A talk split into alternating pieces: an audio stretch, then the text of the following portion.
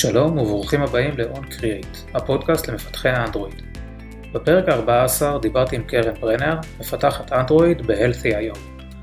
קרן סיפרה על המעבר שעשתה מעולם המוזיקה לעולם הפיתוח למובייל, איך דחפה את עצמה קדימה והצליחה להשיג עבודה בתור מפתחת עוד לפני שסיימה קורס תכנות. דיברנו גם על עבודה ב-Healthy.io, שמפתחים מוצרים רפואיים, ועל האתגרים בבניית פרויקט אנדרואיד שתומך בהרבה flavors. לפני הפרק עצמו, אני רוצה להזמין אתכם להירשם לניוזלטר השבועי שלי, עם תכנים מעניינים למפתחי אנדרואיד, כנסו ל-oncreatedigest.com. אז בלי הקדמות נוספות, OnCreate פרק 14 עם קרן ברנר, תהנו. שלום קרן. אהלן גיא, מה קורה? בסדר, מה שלומך? אצלי הכל מעולה. יפה, ברוכה הבאה לפודקאסט של OnCreate. תודה רבה, כבוד. בהחלט. אז קודם כל, לפני שתציגי את עצמך, חשוב לציין שעבדנו ביחד אה, בפפר, היית בצוות מקביל, אבל כן, שני, שנינו היינו ככה באנדרואיד והיה נחמד לעבוד ביחד. אה, אז בואי תציגי את עצמך. אז באמת full disclosure אה, עבדנו ביחד. אני קרן, אני מפתחת אנדרואיד, משהו כמו מעל לחמש שנים. עובדת כרגע ב-Healthy.io, ואספר לכם את כל מה שאתם רוצים לדעת. אה.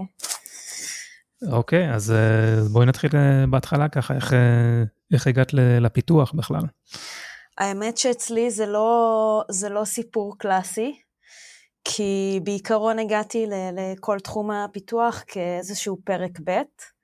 אמנם אני לא כזאת מבוגרת, אבל בכל זאת פרק ב', אני מוזיקאית בהכשרתי, אני מנגנת בגיל מאוד מאוד צעיר, וזה היה החלום שלי, ככה רציתי ללמוד מוזיקה, למדתי באמת מוזיקה, סיימתי רימון, הופעתי, הקלטתי, עשיתי המון דברים. את יכולה להשוויץ גם, הופעת עם להקה מפורסמת. הופעתי עם המכשפות, עם קורין הלל, היה תקופה מדהימה, הוצאתי גם אלבום שלי, אבל אתה יודע, בסופו של דבר אה, מגיעים למסקנה שבארץ אה, זה כמעט בלתי אפשרי, כאילו, להמשיך לעשות את זה, אה, לצערי. אז הייתי צריכה לעשות חופשי, חושבים בעצם מה בא לי להיכנס אליו, ש, שיהיה לי כיף, שיהיה לי דינמי, שיהיה לי מעניין. Uh, בעצם הייתה לי זיקה טכנולוגית uh, תמיד, גם מאז שאני ילדה, ובצבא גם הייתי ב-8200, אמנם לא כמפתחת, אבל כן בתחום הטכנולוגי. Uh, אז ככה עניין אותי פיתוח, וכשחשבתי על מה ללמוד, ידעתי שהכי מעניין אותי זה מובייל. רגע, בתיכון כן נגעת בתכנות או שבכלל לא? Uh, לא, גם לא היה מגמה כזאת מוצלחת, uh, נראה לי בזמנו, אבל בכל זאת יישוב קטן. מאיזה יישוב את מגיעה? אני גדלתי בעומר, בדרום. אוקיי. למדתי במקיף עומר, היינו משהו כמו ארבע, ארבע כיתות בשכבה, אז זה מקום, מקום מאוד קטן. אז בתיכון פחות נגעתי בתכנות, יותר, יותר בצבא, אה, אבל באמת ידעתי שאם כבר אה, תכנות, אז מובייל הכי מעניין אותי, כאילו עניין אותי גם לעשות משהו אינטראקטיבי, כלומר UI, אה, וזה גם משהו שכאילו ככה נגע לי בחיי היום-יום, בכל זאת זה היה לפני הרבה שנים טובות, כבר עברו הרבה שנים, וסמארטפונים היו יחסית דבר חדש, וזה היה מאוד ברור ש, שזה הכיוון שהעולם הולך אליו, אז בעצם עשיתי סוג של... קורס, בוטקאמפ אה, אה, מאוד אינטנסיבי, אה, שבעצם ההתמקדות שלו הייתה באנדרואיד. זה היה משהו כמו שנה, תוך כדי שאני עובדת. ממליצה על הקורס? ממליצה למרות שהם שינו את הפורמט שלהם לחלוטין, אז זה כאילו, מה שאני עשיתי כבר לא כל כך זמין. אוקיי. Okay. אני, אני עשיתי שם לימודי ערב בעיקר, עבדתי תוך כדי. עכשיו הם עושים ממש אה, מסלול עוד יותר אינטנסיבי, שזה כמו, כמו משרה מלאה של רגע, הכשרה. רגע, מי, מי זה הם? אז בעצם המקום uh, נקרא הייפר אקטיב, היום הם נקראים uh, תלפיות הייטק. מה שבעיקר משך אותי למקום זה, זה המנכ"ל שלהם, טל שחור, שהוא סוג של גאון. אז זה, זה המון עבודה אוטודידקטית, המון פרויקטים, עבודה קשה, אבל זה, זה, היה, זה היה מאוד מלמד, זה היה בעיקר למידה מאוד פרקטית, שאולי בניגוד לתואר, שיש לך המון המון קורסים תיאורטיים של מתמטיקה ודברים כאלה, פה הייתה עבודה באמת מאוד פרקטית, מלכתוב קוד ב Notepad ברמה הכי בסיסית, עד לעשות פרויקט סיום שאתה בונה גם את צד השרת וגם צד הלקוח, וגם את ה database והכל, אז ככה, זה היה קורס מאוד מעשי. אז uh, תוך כדי בעצם, uh, עוד לפני שסיימתי, עבדתי בחברת תוכנה קטנה, התחלתי שם כתומכת, והייתי חצופה, אמרתי עוד בריאיון הראשון, שאני אמנם באה כתומכת, אבל אני לומדת פיתוח, ואני רוצה להיכנס לאט לאט לפיתוח. אז המנכ"ל שם בן אדם מדהים, שמחה שהכרתי אותו, אורי שמחוני, אה, באמת אה, לאט לאט הכניס לי משימות פיתוח, ובסופו של דבר אה, סיימתי את הקורס וגם נכנסתי למשרה מלאה כמפתחת אנדרואיד. אז הייתה לי ככה, היה לי המון מזל, ו... וככה נכנסתי לעבודה מעשית יחסית מהר. נשמע שזה שילוב של מזל פלוס אמביציה, ושדחפת את עצמך. כן, אני יודעת להיות לפעמים חוצפנית, ובאמת הייתי בסביבה שזאת הייתה חברה מאוד קטנה, ו... וככה המנכ"ל היה איתנו מעורב מאוד מאוד בתהליך הפיתוח, וגם בתמיכה הוא היה מאוד מעורב, וככה, אז יצא לו להכיר אותי, ו- ויצא לנו, כאילו, עזר לי גם בקורס, אז ככה, זה ממש היה stepping stone אה, מאוד משמעותי מבחינתי, ההתחלה הזאת. איך נקראת החברה? היא קיימת עדיין? החברה עדיין קיימת, היא נקראת אה, פרומטאוס. אוקיי, והיה לך אה, ממי ללמוד שם? זאת אומרת, כשהצטרפת לפיתוח? כן, בעיקרון, לא, זו חברה שבזמנו הייתה מאוד קטנה, יכול להיות שהם גדלו מאז, ובעצם האמת שישבתי הכי הרבה באמת עם המנכ"ל, שהוא היה בעצם המפתח הכי מנוסה שם, אז זה בכלל היה זכות. וגם היו שם כמה מפתחים שעבדו איתי, iOS, אנדרואיד ובקאנד, שעבדנו ביחד, אז יצא לי והיה לי ממי ללמוד. אז עשית שם הכל, אה, לא רק אנדרואיד? בעיקרון עשיתי אנדרואיד, מדי פעם היו משימות קטנות ב web, דברים כאלה, אבל בעיקר 99% אנדרואיד, זה מה שעשיתי שם. אוקיי, ו- ואיך הייתה העבודה שם? זה לעשות פרויקטים לחברות אחרות? כאילו, זה חברת פרויקטים?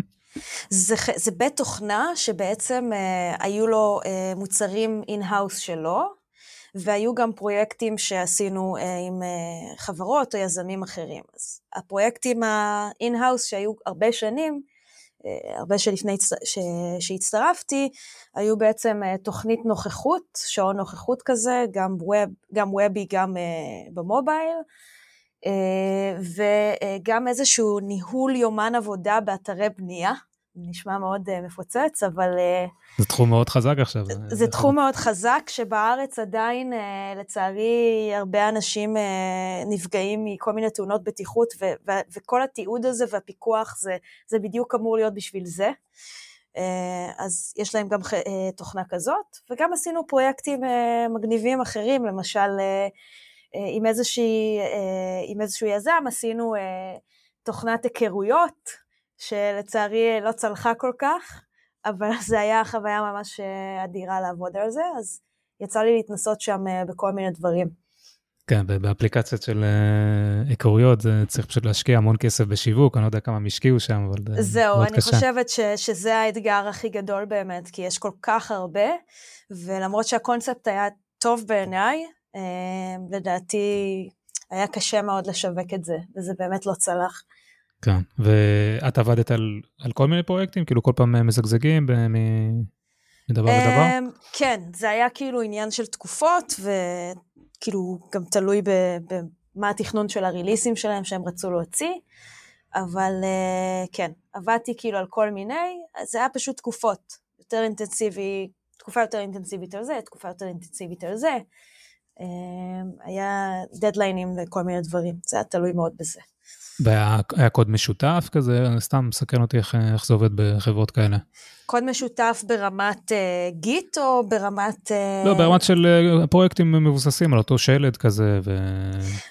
אז uh, דווקא לא, כאילו, היה פרויקט iOS, פרויקט אנדרואיד, פרויקט וובי, לא, לא היה איזה משהו משותף ולא עבדנו על איזשהו משהו שהוא cross platform, כי זה לא, זה לא בדיוק הייתה חברת פרויקטים קלאסית, זה, זה יותר בית תוכנה עם, עם מוצרים משלו ועם פרויקטים שנכנסים. כן, התכוונתי כאילו שיש כמה אפליקציות אנדרואיד, אז הן מבוססות על אותו, אותו שלד, והם שם מרחיבים את זה. אה, זה היה פרויקטים שונים. כאילו זה היה גם, אתה יודע, זה היה in-house, והפרויקטים החיצוניים היו גם בפרויקטים אה, שונים. כן, אה, אז לא היה מה לשתף יותר מדי. כן, זה היה די הכרח במובן הזה. אוקיי, אז מה, היו שם איזה אתגרים ככה מיוחדים ששווה לספר עליהם? מה... Uh, תראה, כאילו בשנים הראשונות כ- כמפתחת, uh, הכל מרגש והכל אתגר ו- והכל היה לי חדש, אז uh, כן, אבל אני יכולה להגיד לך שנגיד באפליקציית היכרויות, uh, היה לי מאוד מגניב uh, ליישם איזשהו צ'אט. זה היה אתגר מגניב, השתמשנו ב-SDK שנקרא Sandbird, וזה היה אתגר בשבילי. מבוסס WebSockets כזה? בדיוק, בדיוק. ואת זה, כאילו, זה היה מין כזה פיצ'ר מאוד מגניב, כי הוא שילב כל מיני דברים. כלומר, זה גם לפתח את ה-UI של הצ'אט, זה גם להתעסק במצלמה, זה גם להתעסק בחיבור ל-SDK חיצוני, גם בעצם התעסקתי עם persistent storage, כלומר היה לנו גם איזשהו DB מקומי על האפליקציה, אה, שכאילו תמרנו בינו לבין ה... להביא את ההיסטוריה מהרשת. כלומר, היה מנגנון כזה שגם בנינו כדי לסנכרן את ההודעות. אז היו פה הרבה אתגרים אה, מבחינת פיצ'ר אחד, וזה היה מאוד מאוד מעניין. ו- ואת כל זה בעצם את עושה תוך כדי ה- הלימודים? כן, כאילו בוא נגיד שהתחלתי פול טיים לקראת הסוף, ואז כשסיימתי את הקורס אה, המשכתי. אז כן. אוקיי, וכמה זמן היית שם? הייתי שם משהו כמו ש... יותר משנתיים, אני חושבת, שנתיים ומשהו, משהו כזה. אוקיי, סך הכל אז את ממליצה על, על דברים כאלה? כי יש לפעמים אומרים שזה טיפה חיסרון להתחיל עבודה בסוג של חברת פרויקטים או דברים מהסוג הזה, כי לומדים פחות best practices, best practices ודברים כאלה, כי יותר רוצים לנצל את הזמן. תראה, זה, זה מה זה תלוי. קודם כל, אני חושבת ש, שעבודה ראשונה זה לבוא וללכלך את הידיים ולצבור ניסיון, כי זה כל כך קשה. אה, בכל מקרה, בין אם אתה בא מקורס או אפילו מתואר, עבודה ראשונה זה, זה אתגר אה, רציני.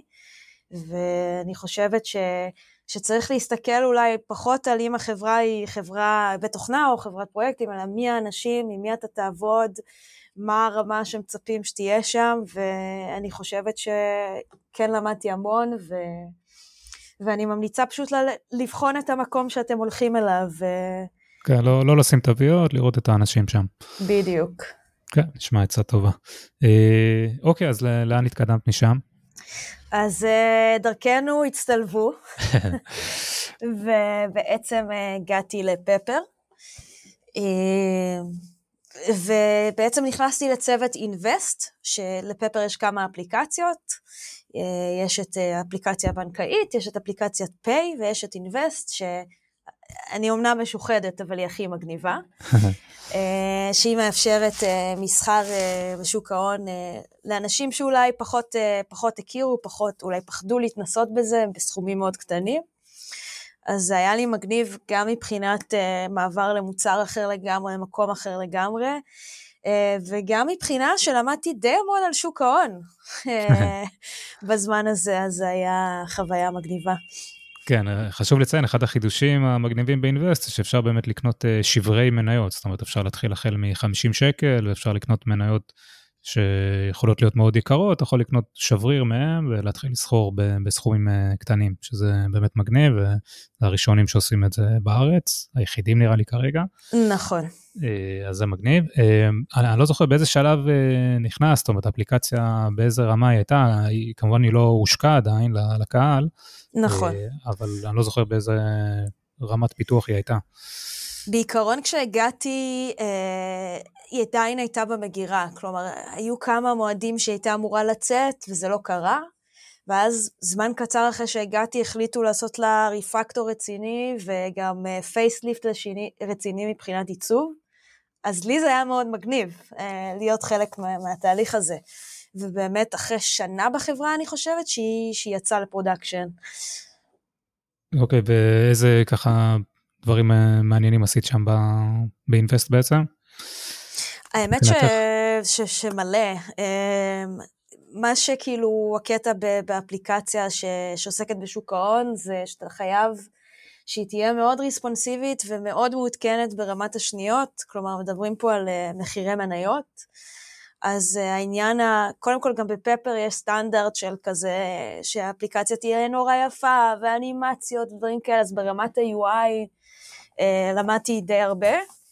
וגם ברמת ה-Reactive Programming, בין אם זה להשתמש ב-RX Java, שלא היה לי, או RX Kotlin, שלא היה לי ניסיון עם זה, אה, ובין אם גם להשתמש ב-Firebase Real Time Database למשל, כדי לעדכן את המחירי מניות, להתממשק איתו. כלומר, היו שם התממשקויות שונות אה, עם כל מיני דברים, וזה היה באמת אה, מאוד מעניין. כן, הבעיה באנדרואיד זה שאת לומדת RX Java ודברים כאלה, ואז פתאום יש flows וכל מיני דברים חדשים בקוטלין. ו... או, או קורוטינס, למשל. כן, קורוטינס, flows, כל הדברים האלה, אז תמיד, אתה, תמיד יש מה ללמוד, אתה, אתה מרגיש שאתה מצליח להתקדם, ואז אתה מבין שאתה לא יודע כלום. גם העקומת למידה ב-RX Java היא לא פשוטה, כי זו ספרייה כל כך ענקית, אז כאילו הרגשתי שאני כבר כזה מכירה מאוד, ובמקום העבודה הנוכחי שלי בכלל לא משתמשים בזה. אז כאילו, כן, בכל מקום משתמש דברים שונים, אבל בכל זאת יש אה, מכנה משותף. אה, וכן לומדים מזה. כן, כן, בכלל Reactive Programming זה סוג של אה, תפיסה כזאת, אז לגמרי אפשר להעביר את הידע הזה גם הלאה. נכון. עוד ככה דברים מעניינים שהיו לך בפפר, באינבסט? קודם כל, כל עניין ההשקה, כלומר, זו פעם ראשונה שחוויתי, כלומר, לא נכנסתי למוצר שכבר רץ. כלומר, חוויתי את כל ההתרגשות הזאת של להוציא ל production ולראות את היוזרים גודלים, כלומר, את מספר היוזרים, ולהיות עם יד על הדופק על באגים, ו... אז זה היה לי מאוד מאוד מגניב. כן, זה באמת לא, לא יוצא להרבה אנשים לחוות. לגמרי, וגם, אתה יודע, לעשות ריפקטור כזה גדול על, על משהו שכאילו, פרויקט שהיה קיים, זה גם היה לי זכות גדולה, ו, ועבדתי גם עם צוות uh, מאוד טוב, שגם ממנו למדתי המון. אני לא אספר להם. אל תספר, שלא, שלא יעופו על עצמם. כן, לגמרי. אמ, אוקיי, אז אה, אחרי פפר בעצם עברת למקום הנוכחי? נכון. אז בואי תספרי לנו באמת. אז עכשיו אני עובדת uh, בחברה שנקראת Healthy.io, שככה אני קופצת בנושאים uh, בעבודות שלי. התחלתי עם uh, חברת פרויקטים, עברתי לפינטק, עכשיו אני בכל אזור המדיקל. Uh, זו חברה שבעצם uh, מייצרת אפליקציות uh, שמשמשות כממש מכשיר רפואי. Uh, יש שני צוותים בחברה, אני בצוות... Uh, צוות אה, האפליקציה שבעצם עושים דרכה בדיקות שתן. אה, לפני שאתם אומרים, רגע, מה, איך עושים בדיקת שתן? כן. כולם אומרים לך מה משתינים על המסך. הם משתינים על המסך, ואתה יודע, יש מיליון בדיחות ש, שכבר שמעתי. כן. אז בעצם משתמשים בסמארטפון כ, כמכשיר רפואי, משתמשים במצלמה כדי לסרוק איזשהו color board, כלומר יש לך מקלון אתה טובל אותו בשתן, אתה מניח אותו על קלרבורד, סורק, ולנו יש אלגוריתם ש, שיודע לנתח את התוצאות, ויש בדיקות אה, מגוונות, בין אם אה, אה, דלקות, תפקודי כליות, בדיקות עשרה פרמטרים לנשים בהיריון. זה משהו שאנחנו עובדים איתו עם קופות חולים גם בארץ, כל הקופות חולים, גם באנגליה, גם בארצות הברית. אז זה ככה תחום, אה, תחום מאוד מעניין. זה, זה בעצם אה, מוצר הדגל של החברה, לא? אם זה התחלתם. Uh, כן, זה בעצם מוצר הדגל. יש עוד מוצר uh, שנקרא ספוט, שהוא בעצם uh, עובד על uh, פצעי לחץ. האמת שזה תחום שאני לא הכרתי בכלל, למזלי, כי זה לא כל כך נעים. כן, אנשים שהם מרותקים למיטה בדרך כלל. לגמרי, זה אנשים שיש להם פצעים כרוניים, ובעצם פיתחנו טכנולוגיה שאפשר לצלם אה, עם הוידאו בעצם איזשהו, לעשות איזו תמונה, הדמיה של הפצע, ותחשוב שהאחיות היו באים, באות לנטר את החולים, והיו מודדות עם סרגל דברים ורושמות ביומן. אז זה ממש הדמיה מאוד מאוד רצינית של הפצעים, אפשר לעשות ניטור, איזה סוגי רקמות יש שם, איך זה מתפתח לאורך הזמן, אז האפליקציה היא כרגע ל, באמת ל-caretakers של, של אותם אנשים. הבנתי, ואת עובדת בעצם על הבדיקת שתן. נכון. אז את יכולה לספר קודם כל על האתגרים אה, הטכנולוגיים שם? זאת אומרת, אם אני מבין נכון, זה הרבה קשור לעניין של הצבעים, נכון? לזהות את ה... נכון. אז, אז אה, קודם כל, אה, תחשוב שכאילו לעומת נגיד אפליקציות קודמות שעבדתי עליהן, שהן בעיקר ככה מביאות הרבה data ומציגות הרבה data. פה האפליקציה בעיקר מייצרת data. כלומר, זה לא איזה אפליקציה שאתה צורך מידע. אתה עושה טסט, רץ אלגוריתם, מייצרים כל מיני אה, data, שולחים את זה אה, לשרת שלנו לעבור אה, אלגוריתם גם אה, אה, בשרת, ושולחים ל medical providers או ללקוחות, תלוי, תלוי באיזה פרטנר. אז זה כבר גישה שונה לגמרי, אה, גם ברמת הארכיטקטורה, גם ברמת... אה, זה שהפרויקט שלנו הוא multi flavored, שזה המון אתגרים. המון אתגרים. אז זה סוג של white label כזה? כל חברה מקבלת את האפליקציה שלה? אז יש באמת uh, מוצרים שהם כאלה end-to-end, ויש באמת white label. זה תלוי ב flavor, זה תלוי בפרטנר. תחשוב שלכל מדינה יש uh, בעצם medical providers שונים ורגולציה שונה, ואנחנו גם כפופים לרגולציה הזאת. כלומר, אם הייתי כפופה לרגולציה בנקאית בפפר, פה יש רגולציה רפואית. ממש ה-FDA? ה-FDA, אנחנו, אנחנו בטסטים עם ה-FDA, יש פרויקטים אה, ביפן, בבריטניה, בהולנד, כלומר זה כל, כל מקום ו, וברמת הפרטנר שאתה עובד איתו יש, יש צרכים שונים. אז uh, פרויקט multi flavor, multi partner, uh, אז, אז ברמה הזאת זה, זה מאוד מאתגר. אז הקובץ Gradle שם די ארוך, אני מניח. הקובץ ארוך, כן, הקובץ ארוך, אבל אנחנו ככה לאט לאט אה, גם עושים שינויים, ו, וככה, אתה יודע, החברה אה, גדלה בצורה פסיכית אה, מאז, מאז שהגעתי. כלומר, כשאני הגעתי, היו משהו כמו... טוב, אני לא יודעת אם אני יכולה להגיד מספרים, אבל היא גדלה, היא. גדלה ברמה פסיכית. אז, אז ככה, גם, גם מבחינת התכנון של הארכיטקטורה וזה שגודלים לנו היוזרים וגודלים ה, ה, ה, בעצם ה... בוא נגיד הוורסטיליות של כל flavor, צריך אה, להתחשב בזה בארכיטקטורה, וצריך אה, לתכנן את הקוד בצורה מאוד טובה. אז אני חושבת שזה אתגר רציני. איך, איך זה בא לידי ביטוי? לכל flavor יש כאילו תיקייה משלו שם במערכת הקבצים, ויש שם איזה קובץ JSON או משהו שמתאר את היכולות, או פחות או יותר איך זה עובד? בוא נגיד שכאילו אם פעם, כשהחברה הייתה קטנה, אז, אז הפרויקט היה באמת, אה, הקבצים היו באמת מחולקים יותר per flavor, והיו דבר, כאילו דברים שכל flavor יורש מהם ומממש אותם בצורה שונה. עברנו למצב שאנחנו מבינים שאנחנו צריכים uh, לעשות שינוי ברמה הזאת, ואנחנו משתדלים בעצם uh, להכניס הכל לקוד שהוא ב main, ולעשות סוג של feature flags, כי אנחנו רואים שפיצ'רים בסוף חוזרים אה, בווריאציות שונות, אז איזה שהם feature flags, בין אם זה ב build config, או בין אם זה דברים שמגיעים אה, אחרי אותנטיקציה מהשרת, שנותנים לנו מידע לגבי הפרטנר, אז, אז עכשיו ההשתדלות שלנו היא באמת, זה הרבה יותר יעיל והרבה יותר אה, נכון לפרויקט שכבר נעשה מאוד גדול, לרכז את הדברים בצורה הרבה יותר גנרית ומסודרת. אה, אז זה גם אחד האתגרים שאנחנו מתמודדים איתם. אה, אוקיי, אז, אז בואי תספרי קצת באמת על הקטע של הסריקה עצמה והעניינים האלה של הכיול אה, צבעים. או אז ככה אסור לי לחשוף את, את הסודות שלנו, כי בעצם בזה הלתי די מצטיינים מהמתחרים, אני חושבת שהאלגוריתם שלנו מאוד מוצלח. אה, אני יכולה להגיד שיש כאילו בעצם אה, אלגו שרץ, כלומר יש לנו אלגו שרץ ברמת ה client וגם אלגו שרמץ, אה, שרץ ברמת ה server, כשהאלגו שרץ ברמת ה client הוא בעצם כתוב ב-C, אנחנו ניגשים אליו דרך ה-JNI, כלומר תחשוב שהאלגו משותף בין אנדרואיד ל-iOS, שיש לזה כאילו יתרון גדול מאוד. הבנתי, ואתם נותנים מחוות ל user, אומרים לו תזיז את זה לפה, לשם, כן, כאילו, כן.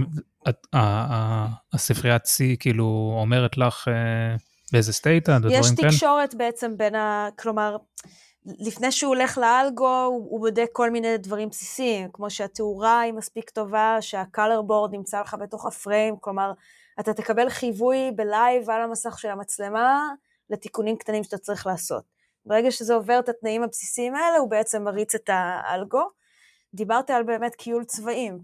יש, בו, יש פה אתגר בעצם גדול, שתחשוב שבייחוד באנדרואיד, ש, שכל מצלמה, כל יצרן, יש לו את ההארדוור שלו, ואת המצלמה שלו, ואת המעבד שלו, והרבה מהם גם קצת מתעללים ב-APIs של המצלמות, אה, בייחוד הסינים עושים כל מיני דברים אה, מרתקים שם. כן, לגמרי. וצריך להגיע למצב שבסוף התמונה המעובדת, אחרי שאנחנו מריצים עליה את כל העיבודים, בסוף הצבע שיצא לך מוואוי P10, יצא אותו דבר מסמסונג S20. כלומר, יש איזשהו תהליך של נורמליזציה של הצבעים, של uh, לדעת להשוות uh, פנימית הצבעים, לדעת מה אתה מצפה לקבל, מה התאורה שהייתה, לנרמל את זה, ובעצם לקבל כמה שיותר uh, תוצאה אחידה בין המכשירים, כדי שגם נדע להשוות את הצבעים שעל הסטיק שטובלים, לצבעים שנמצאים על הלוח, וככה לדעת בעצם uh, לנתח את התוצאות. כן, נשמע באמת מורכב, אבל אני מניח שחלק גדול מהעניין הזה קורה בשרת, אבל. חלק בקליינט, חלק בשרת, כן, נכון. הבנתי. Uh, מבחינת, לא יודע, ארכיטקטורה של, ה, של הפרויקט, או כל מיני דברים כאלה, איך, קודם כל זה בקוטלין האפליקציה? Uh, אני חושבת שכבר 90 אחוז, אולי יותר אפילו בקוטלין, כאילו אנחנו שואפים uh, להעיף את ג'אווה. Uh, עדיין נשארו קצת דברים ישנים uh, בג'אווה, אבל הרוב הוא באמת בקוטלין. מבחינת ארכיטקטורה, אה, זה גם איזשהו ככה איחוד ש, שעשינו ב, בשנה האחרונה, איזושהי החלטה רוחבית, שאנחנו עוברים לארכיטקטורה של אה, סוג של Redux עם אה, MVVM. אתה יודע, כל חברה ממציאה את המונחים שלה. כן. אז אה, באמת אנחנו בונים אה, עבודה עם state ועם data אה, store, אה, כלומר איזשהו מקום מרכזי, שבו אה, מאוחסן כל הדאטה של האפליקציה, אה, כל הסטייטים של האפליקציה, שבעצם כאילו יש לנו בכל זאת view model אה, ו-view, אנחנו לא משתמשים ב-MVVM של, של Jetpack של אנדרואיד, אנחנו בונים view מודלים משלנו, ומאזינים ל data store, למודל שלנו. אה, בעצם עושים עליו subscription, מעדכנים אותו, אה, מסתכלים עליו, ויש איזה מקור ידע מרכזי שכל האפליקציה בעצם מאזינה לו, אפשר להגיד. הבנתי, אז טוב, אפשר לקרוא לזה גם MVI אולי, תלוי איך מסתכלים על זה. מבחינת זה שבסוף נחשף רק class אחד, כאילו state גדול, שאובייקט, זאת אומרת, שמכיל את כל המידע שרוצים. ואיך אתם חושפים את זה ב LiveData? כי אמרת שאתם לא משתמשים ב-RxJava. אה, בעיקרון זה עדיין בהתהוות, אבל אנחנו עושים איזשהו כאילו observer, כאילו איזשהו מודל observer כזה שאנחנו מאזינים ל, אה, למודל שלנו, בואו נגיד ככה, וגם את המודל חילקנו לכל מיני סטייטים, כאילו אתה לא חייב אה, אה, להתייחס, אתה יודע, חילקנו את זה לוגית לכאילו אזורים באפליקציה. עם שימוש ב sealed class של Kotlin? אה, ספציפית בסטייטים לא השתמשנו sealed class השתמשנו במקומות אחרים, אבל בלי קשר ל... אז, אז איך זה עובד? בעצם אם יכול להיות לי כל מיני סטייטים שונים, אז אה, אני מצפה לקבל... יהיה לך למשל authentication state שהוא רלוונטי רק לכל תהליך ההתחברות. יהיה לך client state שהוא קשור ל... אולי לקונפיגורציה הספציפית של אותו פרטנר שאתה מחובר אליו כרגע. יהיה לך scan state, כלומר יש את כל ה flow של הלסרוק, כל מיני פרמטרים שקשורים ל scanning. חילקנו את זה ככה בצורה לוגית, שככה יהיה קל לנווט את דרכך במודל, כאילו באיזה מקום מרכזי שאתה צריך להאזין לו. הבנתי, אוקיי, נשמע, נשמע מגניב. כמה מפתחי אנדרואיד אתם שם? וואו, תן לי לחשוב. אנחנו משהו כמו שישה או שבעה, אם אני לא טועה. אוקיי, יפה. כן.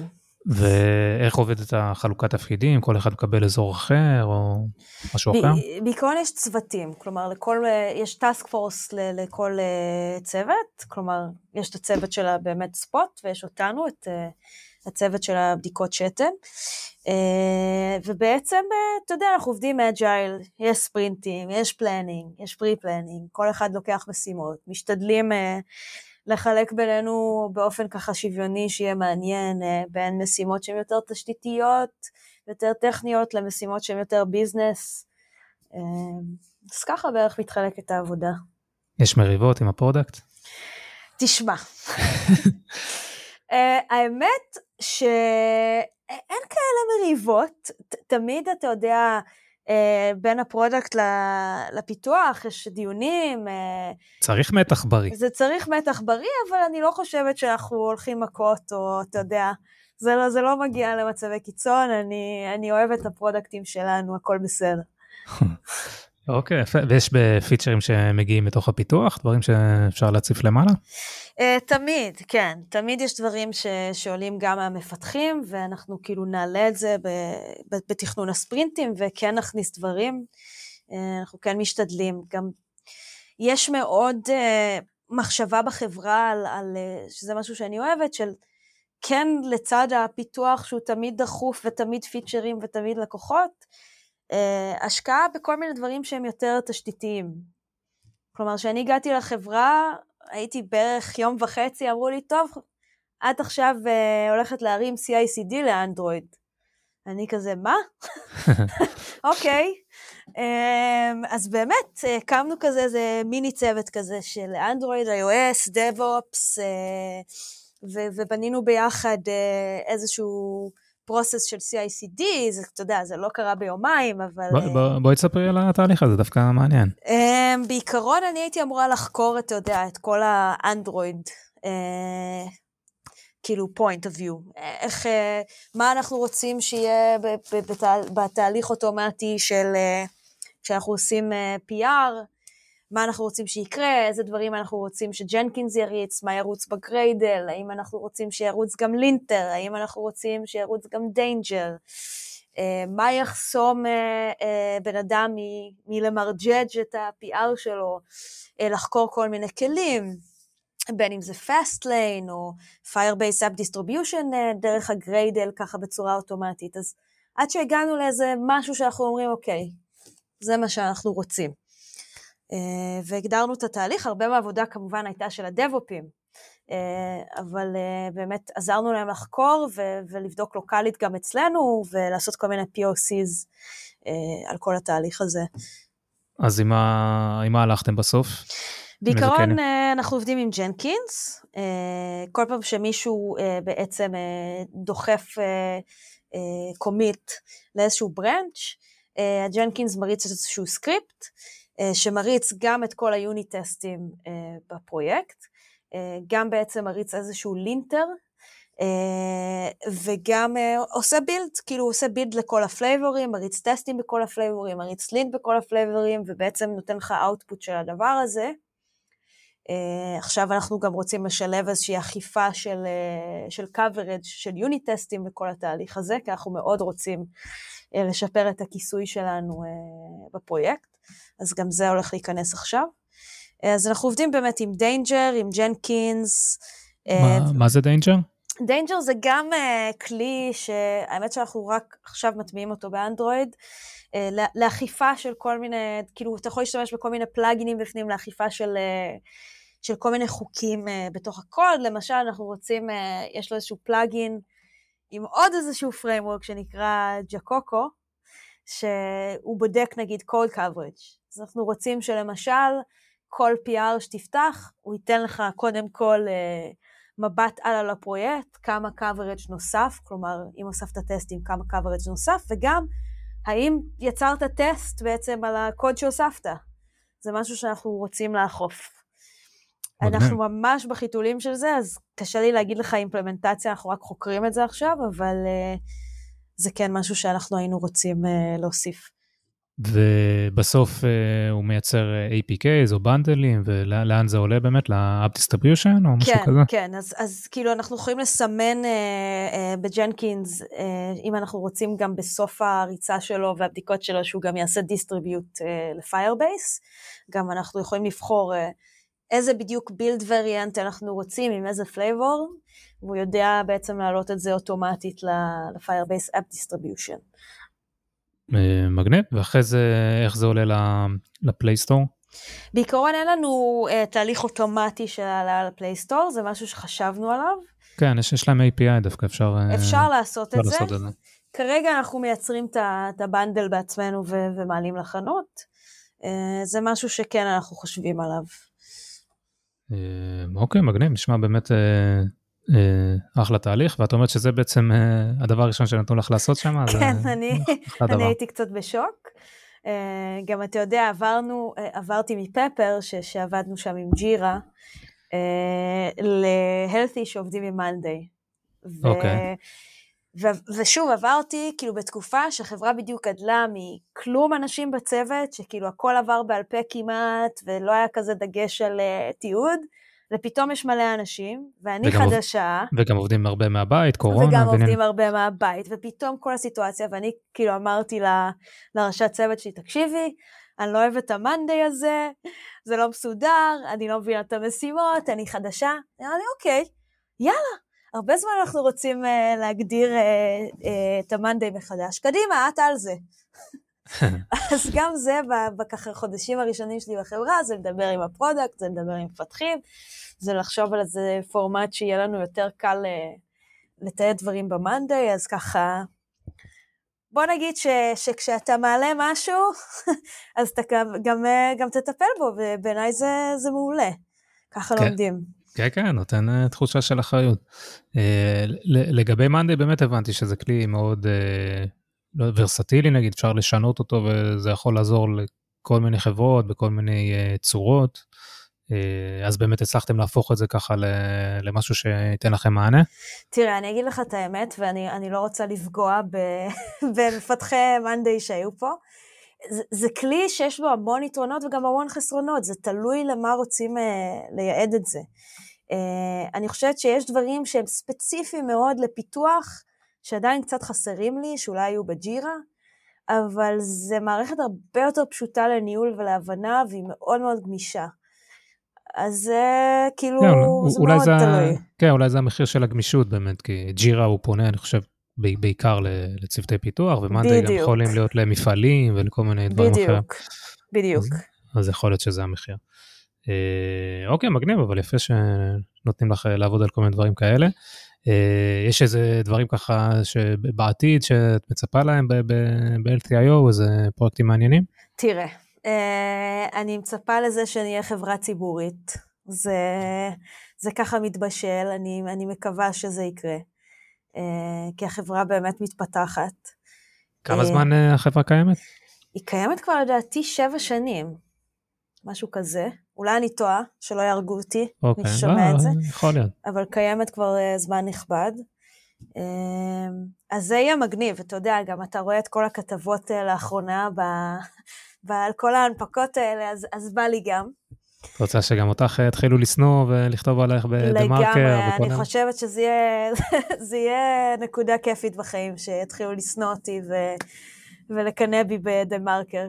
משום מה בקמפיין כזה לאחרונה, אני לא מבינה למה הם כל כך אה, אנטי התעשייה. 아, אה, נראה לי שזה פשוט מביא קליקים, נראה לי זה, זאת הסיבה. זה מאוד מוזר, מאוד מוזר. אה, אבל כן, זה מאוד, אה, גם אני לוחצת, גם אני כן, נופלת זה... ל click baits האלה. בדיוק, זה עובד. נראה לי הם עושים משהו טוב סך הכל, מבחינתם. ואני מצפה, כאילו, אתה יודע, ה scale שלנו גודל כל הזמן, אז, אז, אז זה, זה כיף, כאילו זה פשוט כיף להיות חלק מתהליך כזה. אה, מבחינת, אה, לא יודע, היררכיה וזה, יש שם אה, היררכיה עמוקה, שטוחה, איך, איך זה עובד פחות או יותר? מבחינת ניהול וכאלה? תראה, האמת שכאילו, בגלל שהחברה גדלה, אז היא עברה כל מיני שינויים. כי כשאני הגעתי היה מבנה מסוים, עכשיו הוא טיפה משתנה. אבל העיקר, המהות הוא טאסק פורסים, כלומר זה לא השתנה. כלומר, אה, יש טאסק פורסים, אה, מבחינת הניהול עצמו, יש כן tech leads, כלומר יש את האנשים שהם אחראים על הגילדות של אנדרואיד ו-iOS, יש גם גילדה שאנחנו נפגשים כל שבוע, ויש גם מנהלי צוותים, ואפילו בתוך הצוות יש לך product per, נגיד, איך נגדיר את זה? יש product ל mobile, יש product ל services, ל back-end, ויש product ל front, כלומר עשו איזושהי חלוקה כי ראו שבאמת אה, גדלנו מאוד וזה יותר קל לנהל את זה ככה. אה, אוקיי, כן, נשמע, זה, זה, זה יחסית נהיה די סטנדרטי העניין הזה של סקוואדים, task force, איך שכל אחד קורא לזה אחרת. נכון. אבל אה, כן, זה נראה לי צורה יחסית טובה. מבחינת אה, ככה טכנולוגיות חדשות ש... שרוצים להכניס לשם, אני, כל, כל, עם, עם כל אחד שאני מארח פה בפודקאסט, פחות או יותר אני מדבר קצת, אה, קצת על Compose ודברים כאלה, אם זה משהו שאת אה, מתעניינת בו, חושבים על זה. האמת שחבר הצוות שלי, שעובד איתי צמוד, הוא מאוהב ב Compose. הוא כבר משחק עם זה? הוא משחק עם זה מלא זמן, והוא רק חיכה ליום שזה יהיה stable. זה היה לפני כמה ימים. נכון, וקיבלנו הרבה הודעות ממנו, הנה, עכשיו זה הזמן. אה, אנחנו כן רוצים אה, לאט לאט להכניס את זה, זה לא משהו שקיים כרגע בפרויקט. אה, אתה יודע, אנחנו, כאילו כל דבר חדש שאנחנו בוחנים, ואם זה מגניב ומעניין ויכול להשתלב בפרויקט, אז, אז בטח אפשר להכניס את זה. מבחינת, אתה יודע, ספריות חיצוניות וכאלה, דווקא, כאילו בפרויקט שלנו אנחנו נוטים פחות להפציץ במלא ספריות חיצוניות.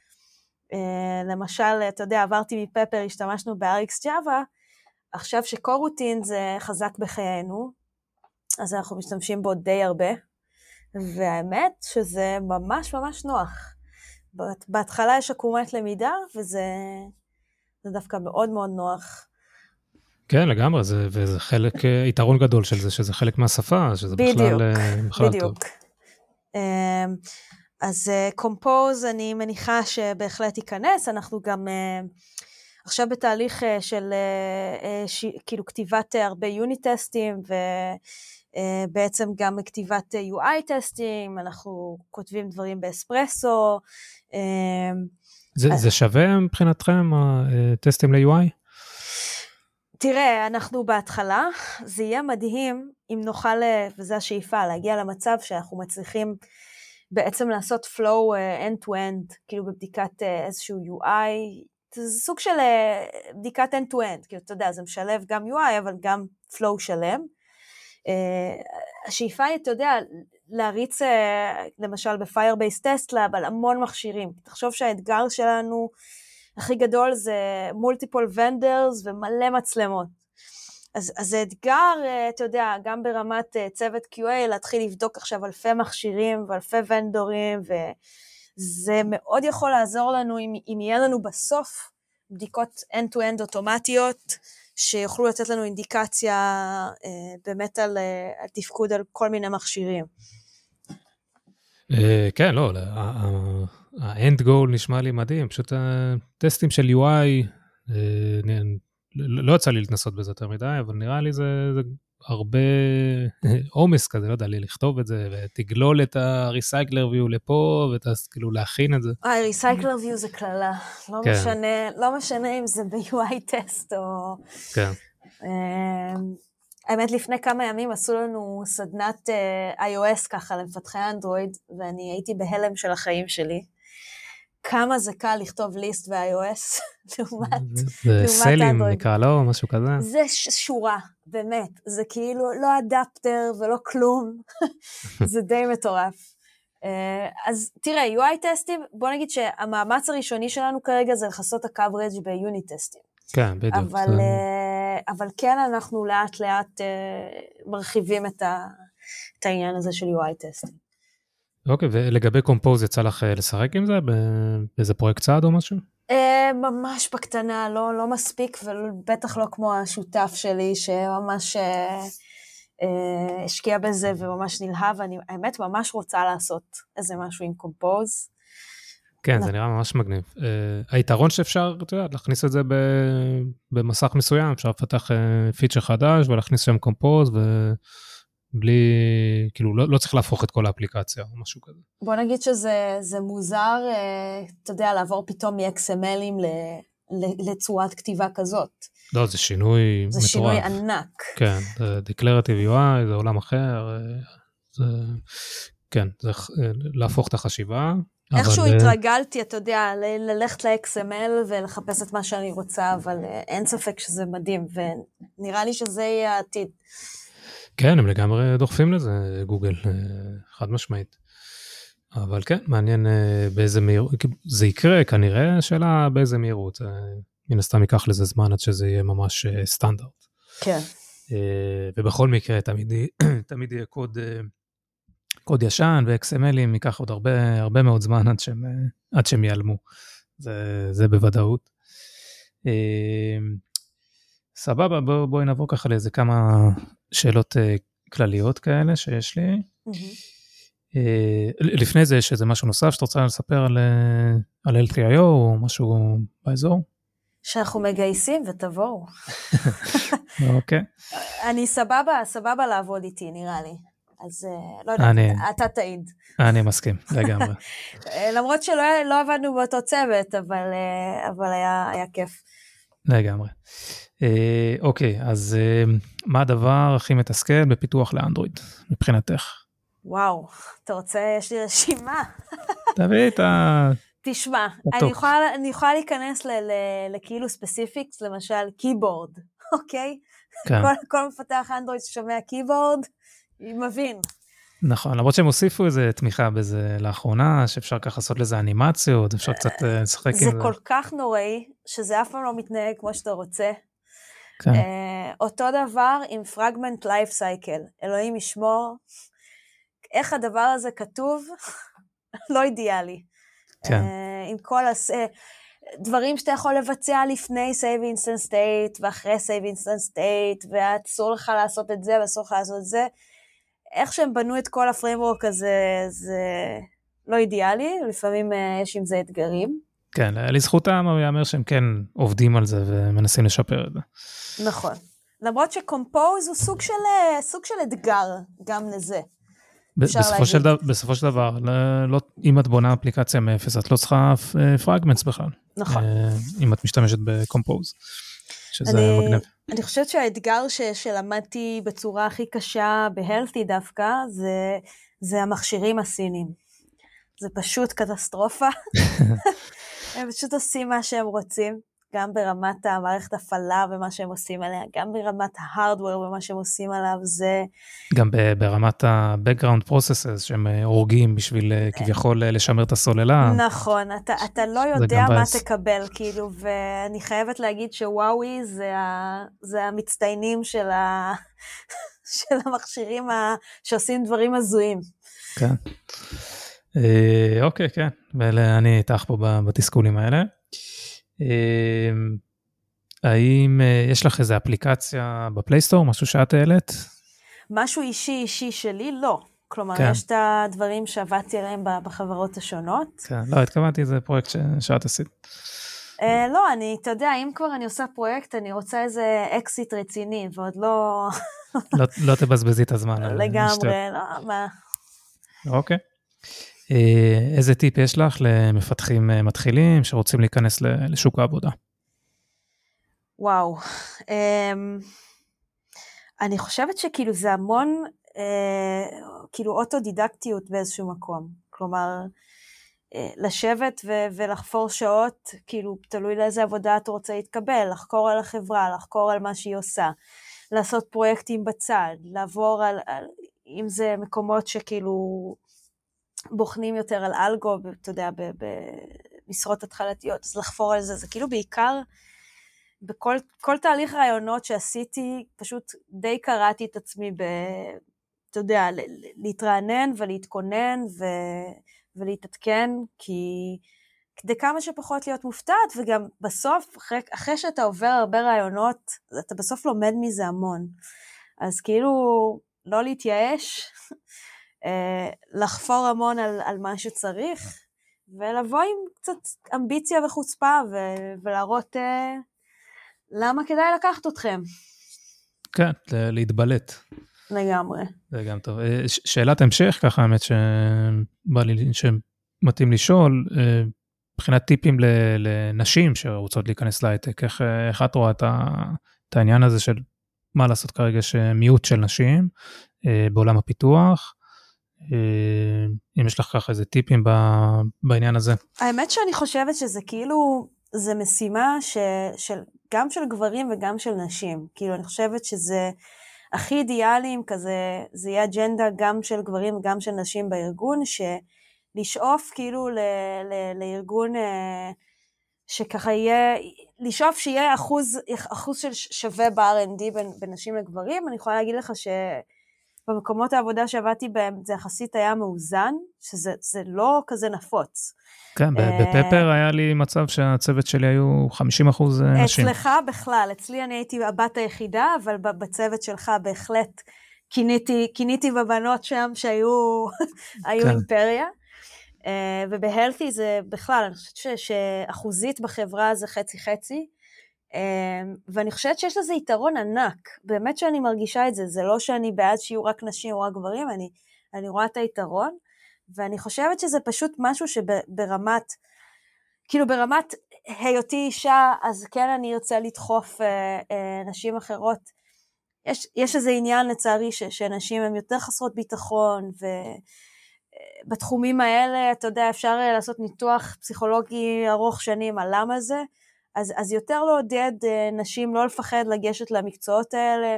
יש גם את כל המסגרות אה, של, של באות, של שי-קודס, שיצא לי טיפה להיות מעורבת בהם, ובעיקר בתוך הארגון.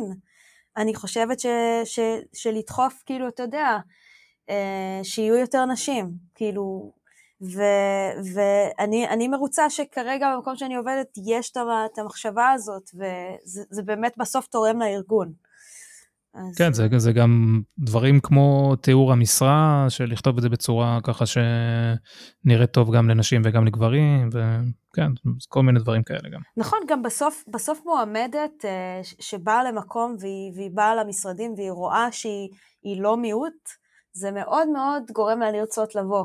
למקום כן, הזה. כן, אבל פה, את יודעת, יש איזה ביצה ותרנגולת. אם חברה רוצה נכון, להביא יותר נכון. נשים, צריך את האמיצה זה, הזאת. זה כמו המגייסים עם עשר שנות ניסיון, אבל איך נשיג ניסיון? אם כן. לכל עבודה צריך ניסיון. הכל עניין של איזון, כן. אה, לגמרי, כן, אני גם אה, מקווה שהעניין הזה ישתפר ככה בכל התעשייה. אה, אוקיי, שאלה אחרונה בעניין הזה, אם יש לך איזו אפליקציה כלשהי שאת ממליצה עליה, משהו לא מה... אה, סטנדרט שכולם מכירים, לא איזה אינסטגרם או משהו כזה. אה, אני זקנה מדי לאינסטגרם, גיא, בוא. אה, אוקיי. משהו ככה שיש לה איזה אפליקציה מלוטשת כזאת. ש... אפליקציה מלוטשת, וואלה. שלא, שאולי לא כולם מכירים. אם יש לך, אם אין לך המלצה, גם טוב. וואלה, אתגרת אותי. אמ, וואלה, אין לי משהו מיוחד להגיד. חוץ מאפליקציות שאני הייתי מעורבת בהן, שאני משוחדת, שאני חושבת ש Invest זאת אחלה אפליקציה, כן, ו Healthy זאת אחלה אפליקציה. אני מבלה גם די הרבה באפליקציה של מנצ'סטר יונייטד, full disclosure. מה כבר יש באפליקציה? תשמע, זה עולם תוכן שלם. באמת? לא, לא מספיק, ל, לא יודע, בטוויטר וכאלה, צריך את האפליקציה שלה? האמת שזאת אחלה אפליקציה. כאילו, זה די, אה, הם די מרשימים. כאילו, אפליקציה ברמה גבוהה. אני לא יודעת מה יש למועדונים אחרים, אבל uh, די מרשים. אני מנחש שזה צד שלישי כזה שמייצר לכל מיני קבוצות uh, אפליקציה. סביר להניח, סביר להניח. לא נראה לי שיש להם צוות uh, פיתוח uh, מובייל שם. האמת שפעם אחת מסקרנות הסתכלתי, אמרתי, אולי נעשה רילוקיישן שם, אבל uh, לא מצאתי ג'ובס uh, R&D בתוך האתר של מנצ'סטר uh, יונייטד, אז אני מניחה שאתה צודק. את אופטימית לעונה הקרובה? תשמע, היו החתמות, אה, החתמות יפות אה, כן. בשבועות האחרונים. לגמרי. אבל הם שברו לי את הלב אה, כל כך הרבה בשנים האחרונות, שאני כבר לא יודעת. כן, עדיף, עדיף לא לצפות. מקבלת טוב. אוקיי, לפני סיום, אם יש לך איזו המלצה כללית ככה לאיזה, לא יודע, סרטון, הרצאה, משהו ככה לעולם הפיתוח, או באופן כללי. כן, האמת, כן. כאילו, שזה מישהו שהתראיין אצלך, אוקיי. אה, וסילי, וסילי, אני לא בטוחה שאני מבטאת את השם משפחה טוב. זוקנוב? אה, נראה לי, כן. אז uh, יש לו כאילו את האתר שלו, את Take Your Chance, ויש לו נכון. כל מיני קורסים uh, uh, בתוך יודמי, ואני יצא לי כאילו ככה, רציתי להעמיק בדברים, וככה לחזור על דברים, להתרענן, ועשיתי את המולטי-threading קורס שלו, שכאילו הוא מתחיל מהכי bare bones, כאילו לכתוב threadים ידנית, לנהל thread pools ידנית, עד לדבר על frameworking כמו RxJava, הוא, הוא יודע, גם הייתי בהרצאות שלו גם בכל מיני דרוידקונים וכאלה, והוא יודע לה, להעביר חומר בצורה נורא טובה, אני חושבת שהוא מצוין, אז כאילו שווה לכם uh, to check it out. כן, אחלה אחלה המלצה, באמת הוא תותח, ושווה להיכנס לאתר שלו, לקורסים שלו, ולהאזין לפרק איתו גם למי שרוצה. אה, לגמרי אני איתך עם ההמלצה הזאת.